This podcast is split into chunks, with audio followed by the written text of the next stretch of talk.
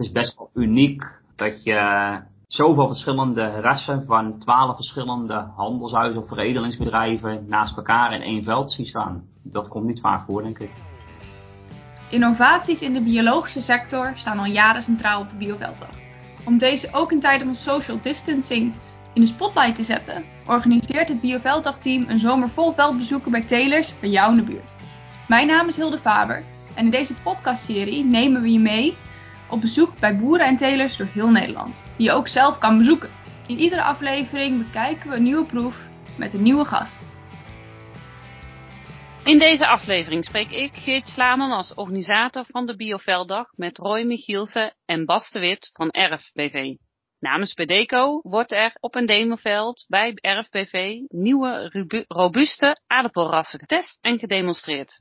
Op het demoveld staan 36 robuuste aardappelrassen. Deze rassen worden getest op gevoeligheid voor de aardappelziekte Phytophthora, maar ook op andere eigenschappen. En daarnaast zijn er naast stiltafspraken ook afspraken gemaakt met de retail. En dat is uniek. We staan op dit moment in het nieuwe strokenteeltperceel van Erf bij Almere. Roy, kun je jezelf en BDECO kort voorstellen? Dat kan ik. Uh, ik ben uh, Roy Michiels, ik ben werkzaam bij, uh, bij ERF. En daarnaast ben ik bestuurslid van uh, BD Eco. En BD Eco is de, de tevensvereniging van de biologische, of eigenlijk de BD en ecologische boeren uh, uit Flevoland. En uh, nou, BD Eco organiseert diverse, in het jaar diverse studiebijeenkomsten voor, voor, de, voor de biologische telers. Dan gaan we op bezoek bij biologische boeren of interessante bedrijven. En daarnaast nou, vertegenwoordigen we de biologische akkerbouw in Flevoland voor allerlei diver, of diverse onderwerpen. Ehm, dat doen we eh, in samenwerking met het Biohuis. En een onderdeel van is, uh, is het aardappelconvenant waar we, uh, ja, waar we hier staan. En waarom zijn jullie gestart met dit demoveld? Nou, het aardappelrassenproef wat we hier hebben, dat is onderdeel van het uh, convenant, uh, het aardappelconvenant dat we hebben afges afgesloten in 2017 met, uh, met de hele keten. En uh, in dat convenant hadden we afgesproken om op drie locaties uh, een demoveld uh, aan te leggen. En in onze regio hebben we gekozen om dat bij, bij ERF te doen. Voordat het convenant er was, had ERF ook al een, een eigen demoveld liggen. En nou, we vonden dat een mooie locatie om, om het demoveld ook voor het convenant aan te leggen. En dat ligt er nu voor het vierde jaar. In het uh, covenant uh, versnelde transitie naar robuuste aardappelrassen zijn wel unieke afspraken gemaakt. Kun je daar iets meer over vertellen? Ja, dat, uh, dat kan. Uh, ja, het convenant is, is afgesproken. Dat is rond 2016 zijn we daarbij begonnen. We hadden toen te maken met een, een zwaar jaar. veel van de rassen die we toen teelden, die waren besmet of ziek geworden. Waardoor er nou, veel ziekte was en lage opbrengsten. Um, en we eigenlijk uh, ja, weinig mogelijkheden hadden om daar iets, uh, iets aan te doen. En op dat moment hadden we ook met de situatie te maken dat uh, de rassen die de retail graag wilden hebben, dus die in het schap lagen, dat dat nou juist ook de rassen waren die heel erg gevoelig zijn voor, voor Victoptera. Terwijl we aan de andere kant van de kwekers hoorden dat er wel resistente rassen zijn, of rassen die minder gevoelig zijn voor, voor Victoptera. Maar dat we die uh, als telers zijnde niet in de, in de, in de markt kwijt uh, konden. Uiteindelijk in 2016 of rond 2016 met de hevige Victoptera hebben we gezegd van kunnen we dat niet keren. en hebben we samen met, met Bionext, eigenlijk met de hele keten, een convenant afgesloten waarin we hebben afgesproken om, om in drie jaar een transitie te maken van van de bestaande rassen naar die nieuwe robuuste rassen. En met robuuste rassen bedoelen we rassen die uh, of resistent zijn tegen Phytophthora of dat uh, rassen die, uh, die ja, vroeg zijn. Waardoor ze, nou, al mochten ze ziek worden, eigenlijk al een, goede opbrengst hebben. Nou, dat is eigenlijk wat we in het convenant hebben afgesproken. En het unieke van het convenant is dat nou, de hele keten daarin in meewerkt en ook daarvoor heeft getekend. Dus dat betekent, uh, de kwekers hebben daarvoor uh, voor getekend, de handelshuizen, uh, wij als, als telers, maar ook de verwerkers en ook de retail. en dat is denk ik heel erg uniek. En we staan hier in het veld en hier staan wel heel veel verschillende aardappelrasbordjes om ons heen. Jullie vertelden dat er in totaal 36 verschillende aardappelrassen staan. En dan vraag ik me af, hoe is de raskeuze tot stand gekomen?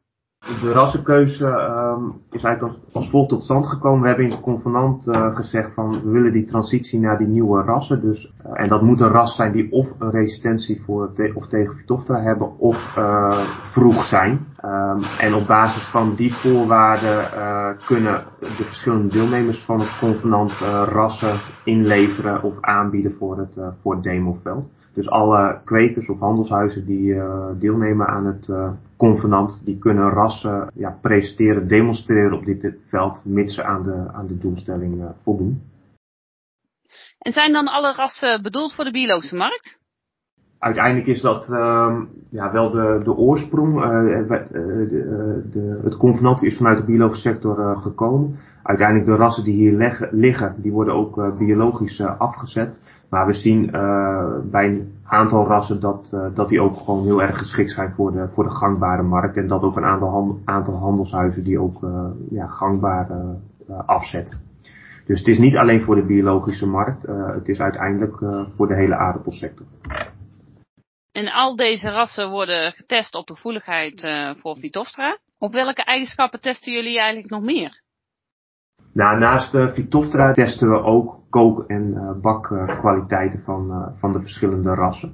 Dus we hebben in het jaar hebben een, een, demonstratie of een, een, veldbezoek. Dus dan kunnen telers komen kijken van hoe de rassen eruit zien. En op die manier ook gewoon ervaring en kennis opdoen van, van de nieuwe ras. Om te kijken van hey, is dat iets wat bij mij thuis ook past. Um, en dan in de winter laten we al die rassen um, nog een keer koken en bakken. Uh, om ook te zien van ja, hoe dat eruit ziet. En eventueel ook om, dat willen we nu voor de toekomst doen, om te proeven. Zodat we een goed beeld van, van de aardappel hebben. Maar uiteindelijk ook naar de retail kunnen laten zien van nou, dit zijn geschikte rassen of dit is de potentie van een ras. Ja. En Bas, ik begrijp dat jij al heel veel ervaring hebt mogen opdoen met deze unieke aardappelrassen. Je hebt de aanleg verzorgd en test of monitort, zoals dat noemen de rassen ook. Uh, misschien wil je je even kort voorstellen aan de luisteraars? Jazeker wil ik dat. Ik ben Bas de Wit. Sinds anderhalf jaar werk ik bij RFBV. En daar ben ik dagelijks bezig met de aardappelen. Ja, in het geheel. de, de teelt, de oogst, de verzorging, het monitoren van koelcellen. En ik heb ook het, dit veld aangelegd waar we hierbij staan. En het monitoren, dat hou ik ook bij. Interessant. En hoe worden de resultaten van de verschillende raseigenschappen van deze aardappelen eigenlijk dan gemeten? En hoe hou je die bij? Nou, zodra de, de aardappels boven staan, zoals we nu zien in dit stadium, dan beginnen we met monitoren. Het rondje langs alle 36 velden. Aan de linkerkant hebben we blok 1 en aan de rechterkant hebben we blok 2. In alle blokken is de volgorde door elkaar heen gehusteld. Dus iedere, ieder ras krijgt daarmee een eerlijke kans ik ga, iedere week ga ik monitoren. En zodra we een besmetting zien, dan gaan we daar uh, misschien de interval verkorten naar drie of vier dagen. Een besmetting geven we een cijfer. Bij niet besmet geven we een cijfer 10. En bij een 9, dan zijn ongeveer van de 100 planten, 10 à 20 planten zijn een klein beetje besmet. Een klein beetje bedoelen we dan 1 of 5 blaadjes. Dus dat stelt nog niet heel veel voor. Maar bij bijvoorbeeld cijfer 5, dan is eigenlijk ieder blaadje wel aangetast. En dat houden we bij in een schema. Nou, en aan het eind is eigenlijk uh, nou, of de, de aan de maat zijn, of het gewas overal wel uh, hevig besmet is. Dan gaan we die uh, gegevens delen met de, de andere leden van het convenant. En wat doen jullie verder met de resultaten? Nou, de resultaten worden verzameld en die worden dan gedeeld in eh, november hebben we een uh, kook- en bakproef. En dan worden de resultaten worden besproken. En dan, ja, dan kunnen we ook de, ja, de vreemde gevallen, de extreme kunnen we eruit lichten. En doordat we op verschillende volgordes werken, kan je ook zien of nou een ras in de ene blok ook net zo ziek is als in het andere blok. En dat kan je dan mooi vergelijken met de, de andere locaties. En Kun je al iets vertellen over de rassen die hier staan? De rassen zijn natuurlijk allemaal te vinden op www.biovelddagen.nl. Maar zijn er een paar interessante rassen om kort uh, nu te benoemen?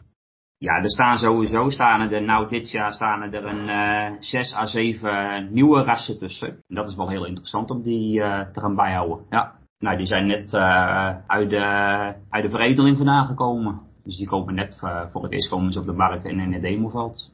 Ja, en we staan hier in de Flevopolder met natuurlijke klei. Zijn er ook andere testlocaties met andere grondsoorten?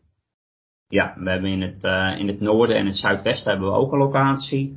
En dat is dan in het zuidwesten is het bij Dinteloord. En in het uh, noorden bij SPNA in Kolmerwaard. En in de Kolmerwaard is het de grondsoort vergelijkbaar als bij ons. En in het zuidwesten is het echt wel een stukje zandiger en lichter. En daar is het veld ook wel een stuk vroeger. Ja, daar komen meestal de eerste resultaten al uh, gauw naar voren. Dus zometeen heb je ook uh, met verschillende grondsoorten de resultaten beschikbaar. Ja. Roy, jullie zitten nu in het vierde jaar van het project. Uh, zijn jullie tot nu toe tevreden met de behaalde resultaten? Ja, ik denk als we nu, nu terugkijken van wat we de afgelopen drie jaar hebben behaald, we daar zijn we heel erg trots op. Ehm, we zien dat we met, met de transitie dat dat zeker gelukt is. Uh, in ieder geval als we naar het, uh, het tafelsegment kijken, dat we daar nu op uh, ja, 75, 80 procent van het areaal op die nieuwe rassen zitten. Um, en dat ook naar de retail die ook, ook afneemt. aan de andere kant is het zo van, we zijn er ook nog, nog niet net zei van, uh, toen we het convenant afsloten was het idee om dat voor, de, ja, voor het, het hele areaal uh, te doen. Ja, voor het tafelsegment zien we dat dat gelukt is, maar bijvoorbeeld voor de, voor de frietaardappelen, dus voor de, meer voor de industrieverwerking, maar ook voor de importaardappelen, dat we daar nog steeds met ja, de oude bekende rassen te maken hebben. Um, en daarnaast zien we ook nog wel dat uh, zijn er rassen die uh, nou, in het begin heel erg uh, veel potentie leken te hebben, maar dat die de, afgelopen jaar toch een beetje door de mand zijn gevallen. gelukkig zijn daar nu ook weer, zijn er ook weer nieuwe rassen die dan weer nu in het demoveld staan. Dus eigenlijk zijn we heel erg tevreden, maar we zijn ook nog niet, niet klaar. En wat kunnen we dan, als jullie nog niet klaar zijn, verwachten de komende tijd? Wat staat er op de planning?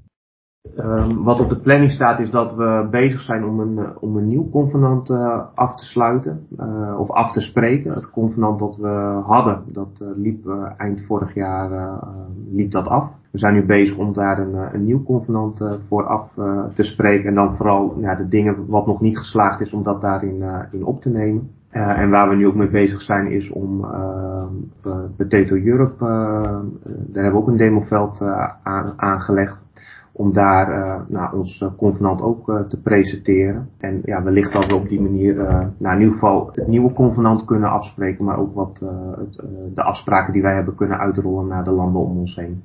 We zien dat het convenant dat we in Nederland hebben, dat dat in België al navolging heeft gekregen. En, en wellicht dat dat nou, in Duitsland of in Frankrijk in de toekomst ook zal gebeuren.